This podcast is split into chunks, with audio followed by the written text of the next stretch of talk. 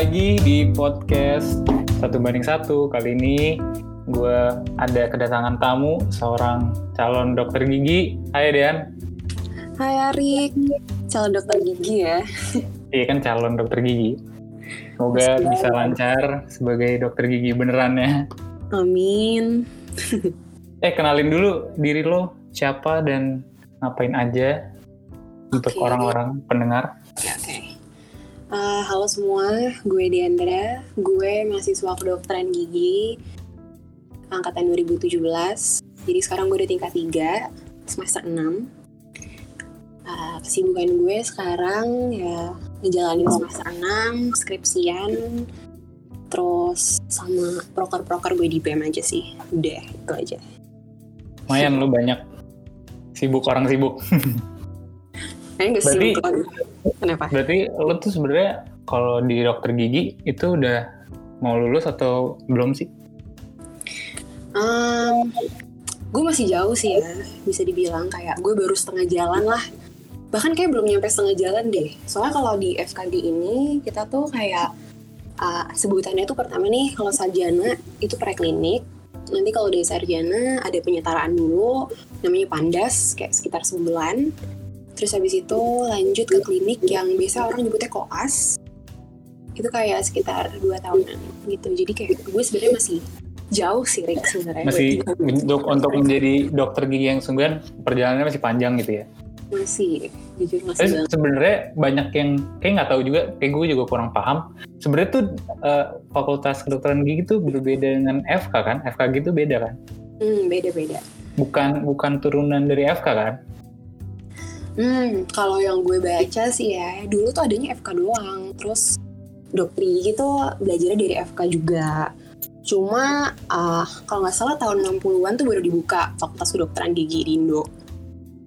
Gitu. Jadi sejak saat itu baru ada FKG gitu.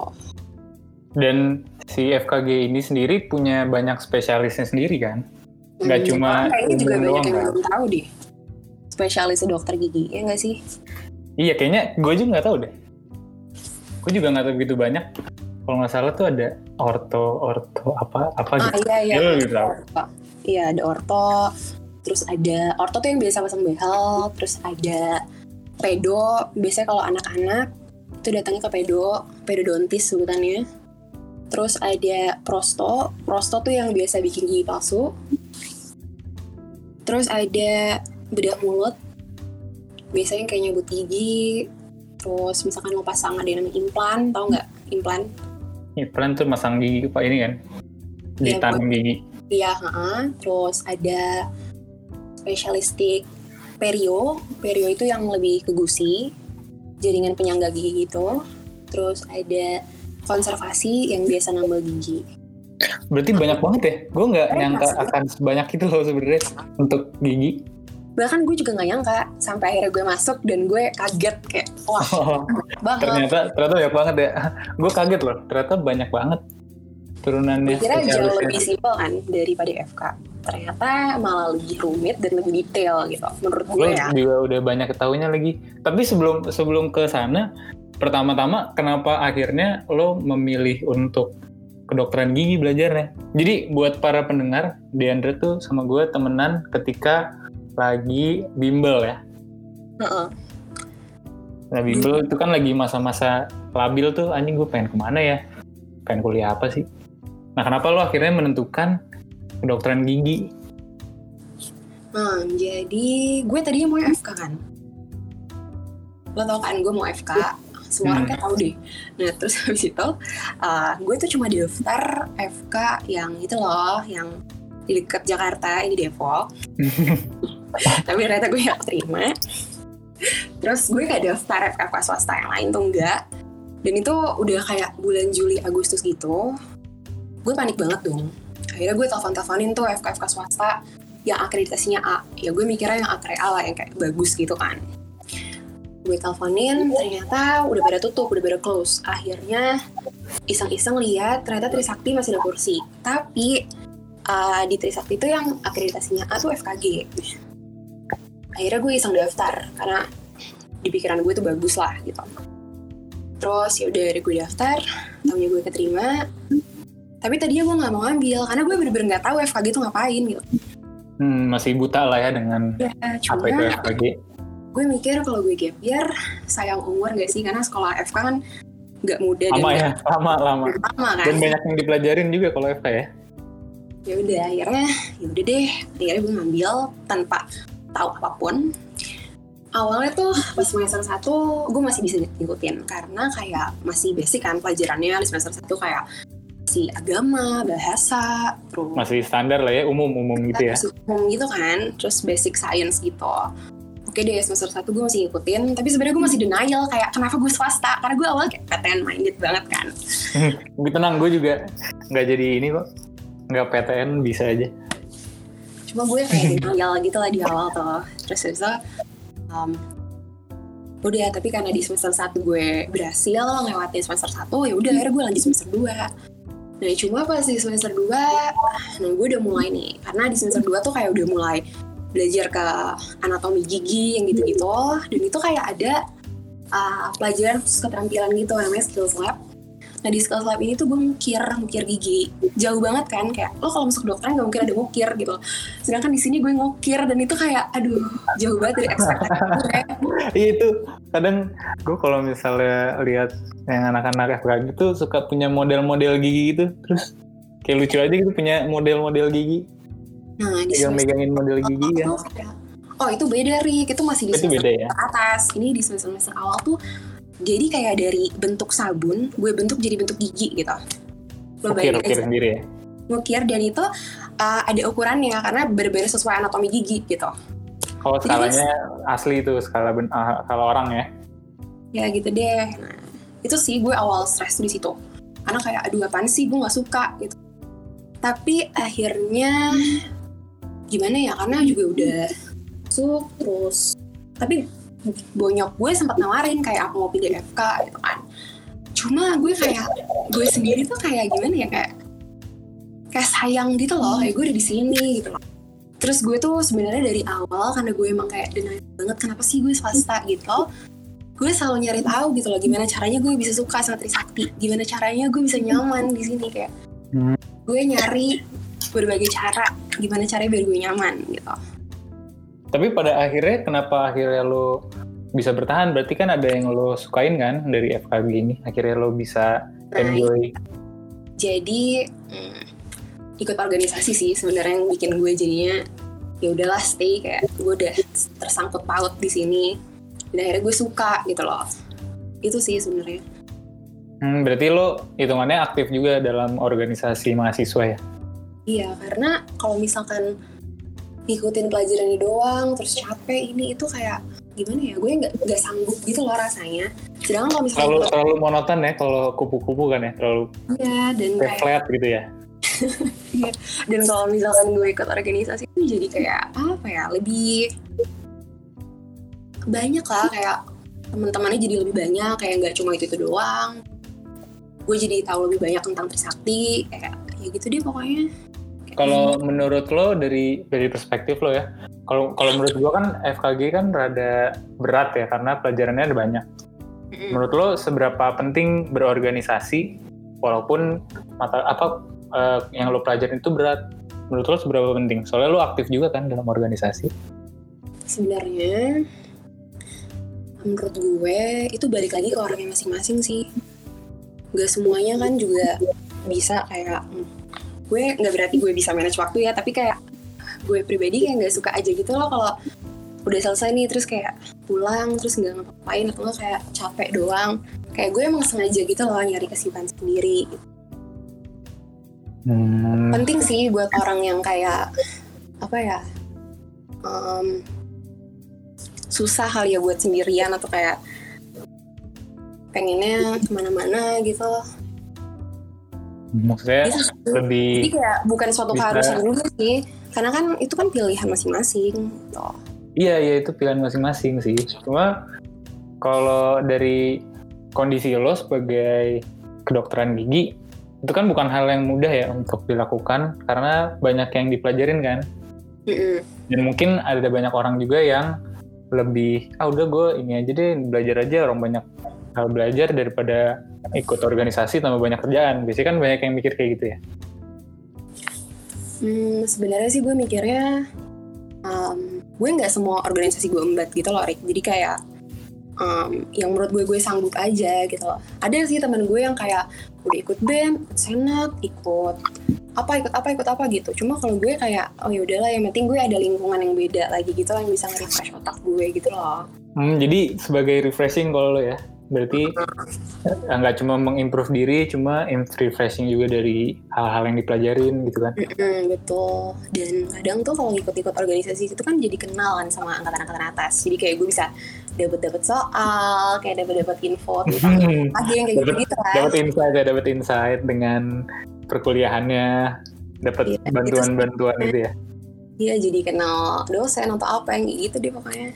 Itu sih Banyak, sebenarnya. banyak benefitnya sih sebenarnya ya. Iya, Tapi balik lagi ke kedokteran gigi, sebenarnya apa aja sih yang dipelajarin? Kayaknya kalau misalnya baca dari namanya doang kan kedokteran gigi belajarnya itu gigi. Tapi sebenarnya ada jauh lebih banyak dari itu kan? Mm-mm, banyak banget. Yang tadi gue bilang di awal itu Rick. Jadi uh, sebenarnya pas gue awal masuk masih basic science kan. Basic science, abis itu mulai ngerucut nih kayak anatominya, terus habis itu. Tapi anatomi itu gue awal belajarnya juga dari seluruh tubuh. Gue juga gak ngerti kenapa. Tapi makin ke sini uh, gue belajarnya kayak dari kepala sampai leher aja. Kalau misalnya upper body doang. Oh iya, dari, kepala doang berarti ya. dari hmm, dari lo masuk mulut sampai ke orofaring lah. Ntar gue lupa nih orofaring itu apa. Udah lama banget nggak tahu nih gue. Tenggorokan ya, Nah, tenggorokan. terus habis itu um, uh, selain itu kayak di mulut kan ada kayak gusi. Nah itu gue belajar tuh kayak um, gusi yang normal kayak gimana, gusi yang sakit kayak gimana, penanganannya kayak gimana gitu. Terus giginya dikonservasi, habis itu ortodonti ini gitu. Jadi kayak uh, makin naik tingkat tuh makin dibagi per spesialistik sih. Oh makin spesifik gitu yang dipelajarinnya ya. Terus Kalau- pemilihan Kalau praktikum-praktikum itu banyak nggak sih? Kalau kedokteran kan pasti banyak praktikumnya. Nah, praktikum gue, hmm, gue tuh selalu kayak sebutannya tuh skills lab gitu. Oh, skills lab adalah praktikum. Ya, skills lab itu praktikum, se- sebutan buat praktikum. Nah, lo pasti kalau ke dokter gigi hampir selalu dilakuin tindakan kan, nggak di cuma dikasih obat doang, ya nggak sih? Hmm, bener. Nah, jadi di skills lab itu uh, nyoba gimana caranya kayak kalau gue kan masih di sarjana, di program sarjana tuh belum boleh pegang pasien. Jadi tuh gue kalau lagi skills lab itu megangnya namanya phantom. Phantom itu kayak orang-orangan bohongan gitu. Nah, orang-orang bohongan ini kayak punya rahang. Nanti tuh kayak uh, mahasiswanya beli gigi sendiri, nanti kita tanam-tanemin. Nah, Oh, itu belinya beli gigi, belinya beli gigi sendiri. itu beli gigi sendiri. Sebenarnya tergantung modulnya sih. Jadi modul tuh kayak pembagian spesialisnya gitu.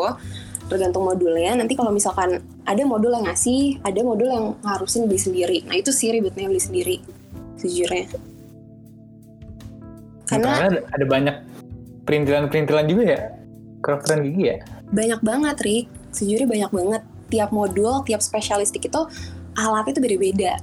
Itu sih yang bikin jadi kayak, aduh, uang izin abis, belum minta lagi lah. gitu. Banyak Gue banget. juga gue relate sih dengan belanja-belanja perintilan kayak gitu. Kalau gue juga banyak kan beli pulpen, beli penggaris, beli apa segala macem. Kayak mungkin relate-relate juga dengan kehidupan lo. Iya sih, jujur banyak banget perintilan di FAG itu yang perlu dibeli itu banyak banget. Kayak misalkan, apa ya, nih gue sekarang lagi modul orto, itu gue perlu tang ada sekitar 3 tang buat bengkokin kawat, namanya ber Oh, Fungsinya beda-beda tuh, tiga Fungsi tahun. beda-beda, ada yang bentuknya bulat sama persegi, tangnya buat bikin kayak sudut 90 derajat, ada yang buat bikin loop, terus ada yang buat bengkok-bengkokin namanya tiga jari, ada yang buat motong, gitu-gitu. Jadi Ya Allah, banyak banget. Gue nggak menyangka akan Terus- sebanyak itu sih alat-alatnya. yang lebih banyak lagi ini nih ada modul uh, konservasi ini modul yang kayak ngebur-bur gigi gitu nambel-nambel gigi itu bur itu banyak banget tipe-tipenya ada yang bulat ada yang uh, bentuknya tajam ujungnya. Terus ada yang itu ada yang panjang ada yang pendek. Itu semua kayak harus gue beli gitu loh. Dan itu bener-bener ngabisin duit banget sih. itu ngabisin duit ya beli beli Belum kalau kayak gitu ngabisin duit. belum kalau misalkan burnya udah udah aus. Sedangkan gue masih harus pakai lagi ya. Gue beli lagi burnya kayak gitu Oh, gitu berarti kalau kalau lo di board tuh sama aja kayak gue beli cutter. Soalnya cutter habis terus. Oh gitu Iya. Gue juga merasakan kayak gitu sih banyak beli-beli perintilan gitu. Gue kadang bisa habis kayak 500 ribu lebih buat ngeprint doang. Jadi itu 500 ribu bisa gue makan berapa hari hilang karena buat ngeprint kertas doang kalau gue. nah, mirip-mirip sih sebenarnya sama Mirip-mirip kan?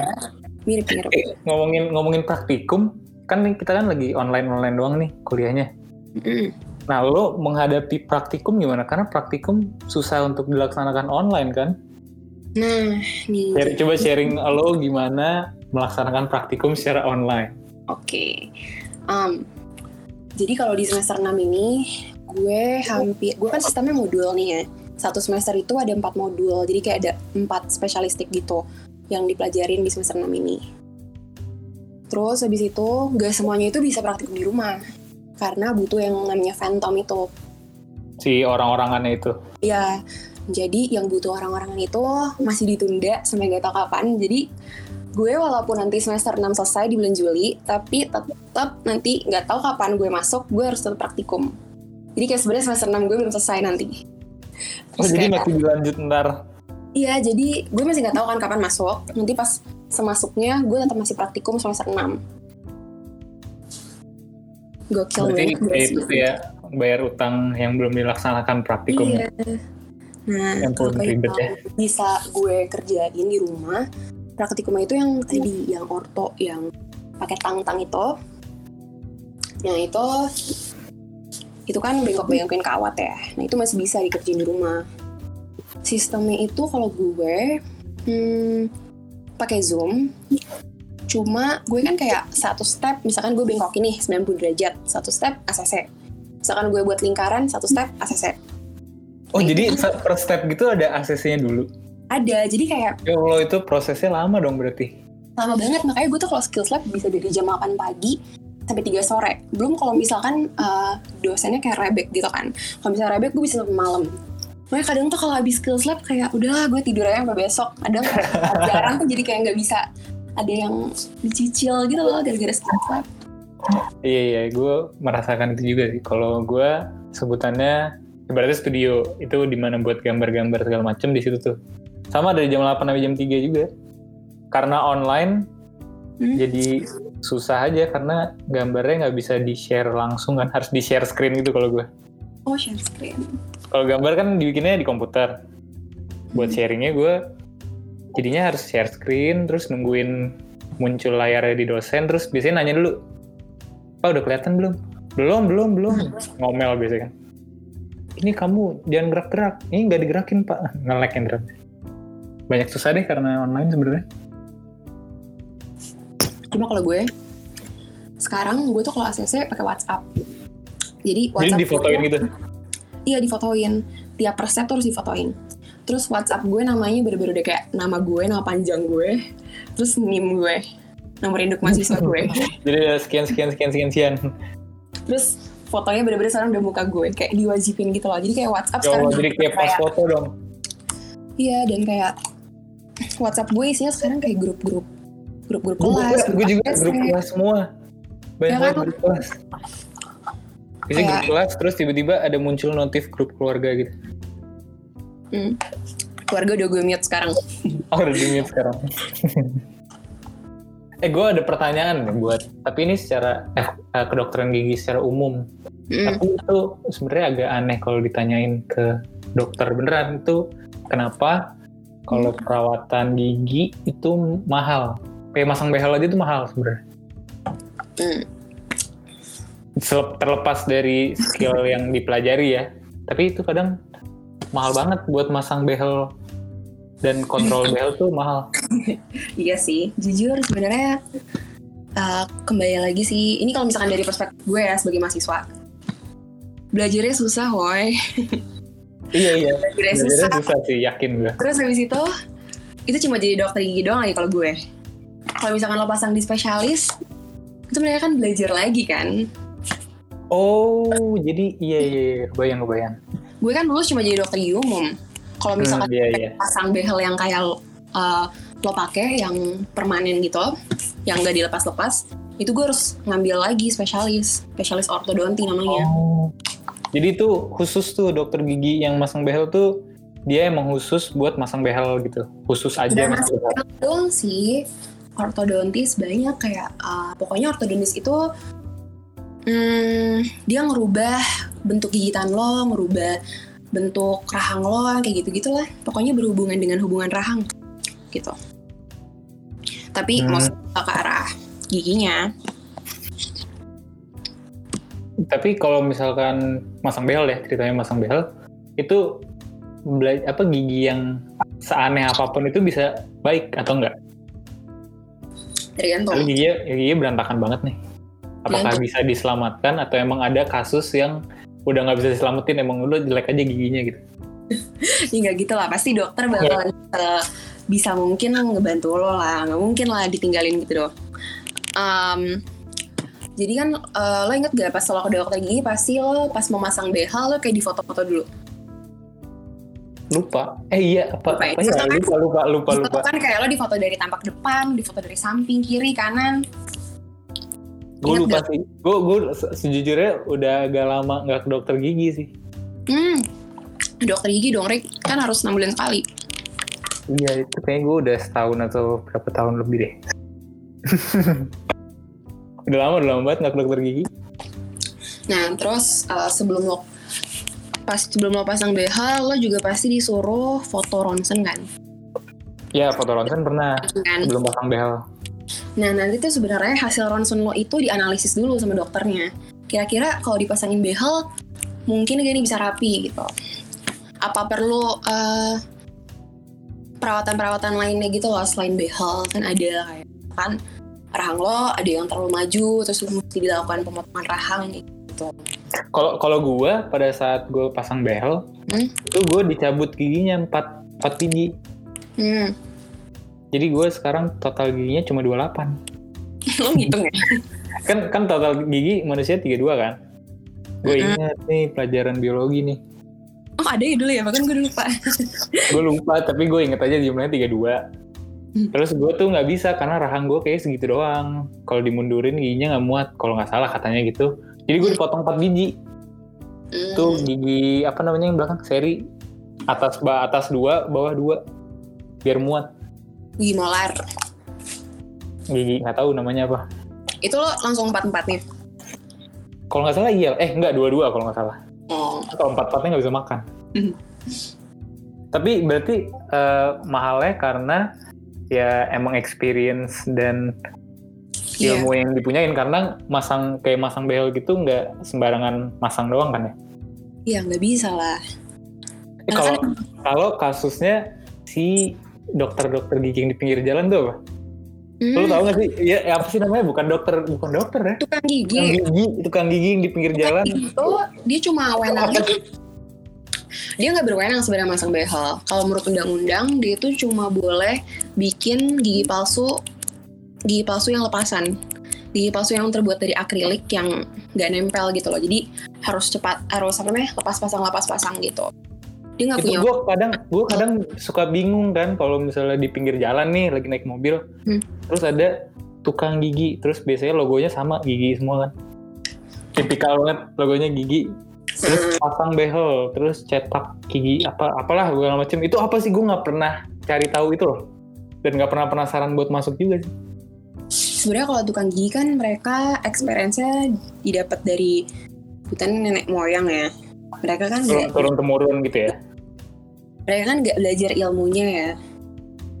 Cuma ya gimana kan nggak mungkin dibasmi juga karena kan emang udah ada dari zaman dulu kan. Jadi ya menurut undang-undang mereka cuma dibolehin buat bikin gigi palsu aja sebenarnya. Cuma banyak banget tukang gigi yang namanya ini bukan tukang gigi. Jadi kayak salon gigi ahli gigi. Lah Iya, ahli gigi. Biasanya ada ahli gigi.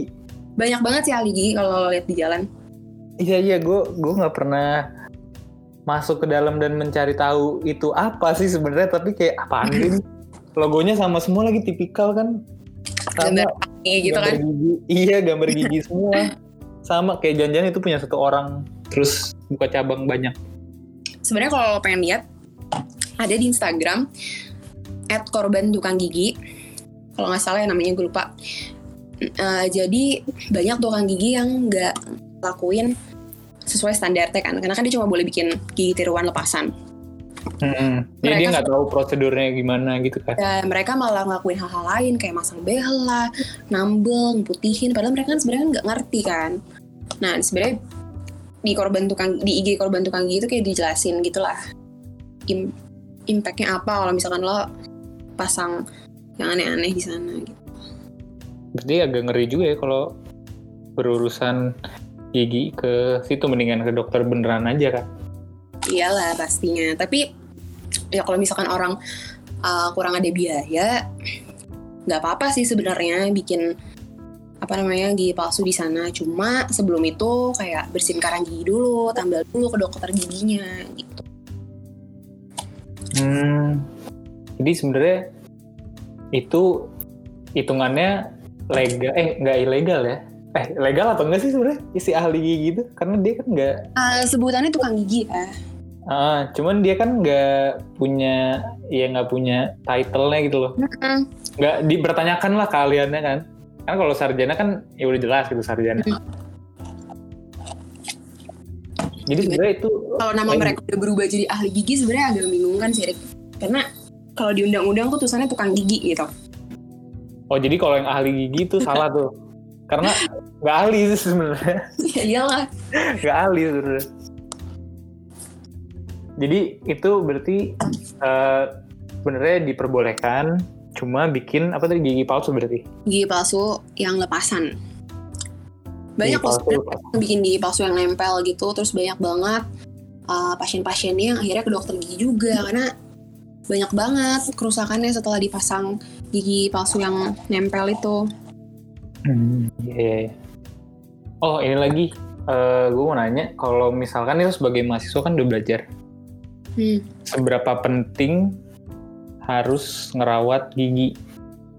Karena banyak yang misalnya ya, nggak ngerawat giginya, kadang suka males untuk gosok gigi, atau kadang kalau cowok-cowok nih biasanya demen ngerokok, itu Hmm.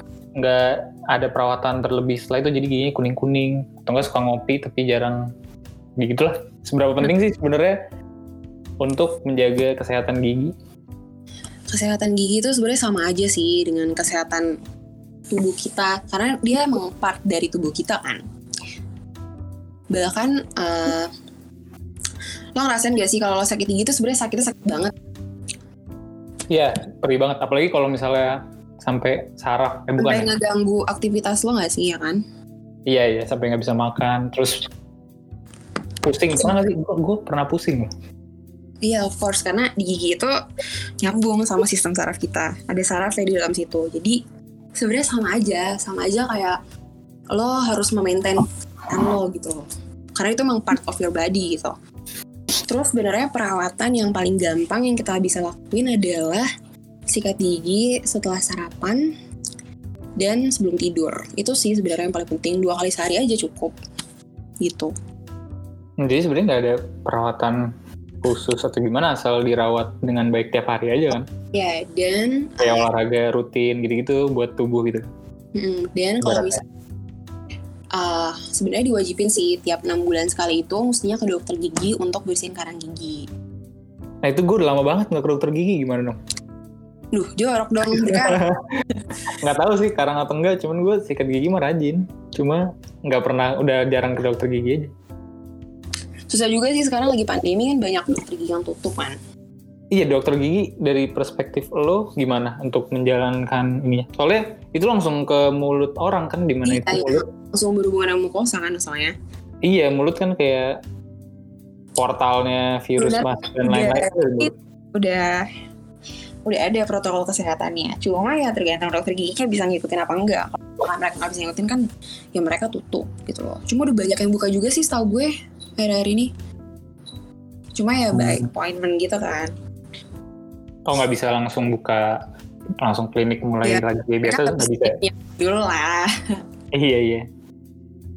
Nih terakhir nih dek, oh, untuk lo, uh, gue pengen tahu suka duka lo sebagai mahasiswa kedokteran gigi. Mungkin ada pesan-pesan yang lo mau sampaikan juga. Oke. Okay. uh, sebenarnya makin ke sini, gue mulai ngikutin arusnya aja sih sebenarnya. Kayak uh, udah lumayan lama juga kan, tiga tahun kayak sayang lah kalau misalkan tiba-tiba berhenti walaupun gue sering banget nih kalau misalkan lagi kayak skills lab gue ngerasa kayak duh kok kok begini ya? Kok kayak duh kenapa sih gue FKG bahkan masih kadang suka kepikiran gitu di kepala gue. Tapi akhirnya kayak ya udahlah jalanin. Akhirnya kayak udah maju juga kan di FKG terus saran gue sih buat yang masih bingung nih kalau misalkan ada yang kayak masih kepikiran masuk FKG apa enggak ada bagusnya nih ikut acara visit dentistry. Uh, ini proker dari BMFKG Usakti yang bakalan ada di bulan September. Acaranya nggak bakal ketemu, jadi berbeda dari tahun-tahun sebelumnya. Jadi acaranya webinar. Iya webinar. webinar. Diselenggarakan oleh Dean. Iya bener. Di follow aja deh Instagramnya dulu sebenarnya uh, ini bakal ngejelasin gitu sih kayak dari awal masuk FKG itu gimana, terus uh, kita jadi dokter gigi kita selama pandemi gimana? Terus habis itu um, perawatan gigi yang mesti kita lakukan itu yang baik itu gimana selama pandemi? Jadi sebenarnya emang ditujuin buat anak SMA tapi kalau misalkan orang ada yang mau ikut boleh banget. Apa namanya deh biar visit dentistry. Follow deh visit dentistry. Follow di IG iya follow follow follow. Dipersembahkan oleh Dean. Dan apa ada pesan-pesan terakhir buat orang-orang yang mungkin lagi menjalankan kuliahnya sekarang, lagi berorganisasi juga? Dari lo kan yang belajar FKG dan masih aktif juga dalam organisasi. Hmm, semangat. Ikutin aja arusnya. Terus uh, be happy sih sebenarnya. Cari kebahagiaan karena kayak kalau misalkan udah mental breakdown itu susah banget sih terus habis itu udah sih kayak itu aja dari gue itu aja oke mantep deh banyak banget info yang lo telah bagikan kepada gue dan yang mendengarkan tentang hmm. seputar kedokteran gigi dan seputar berorganisasi.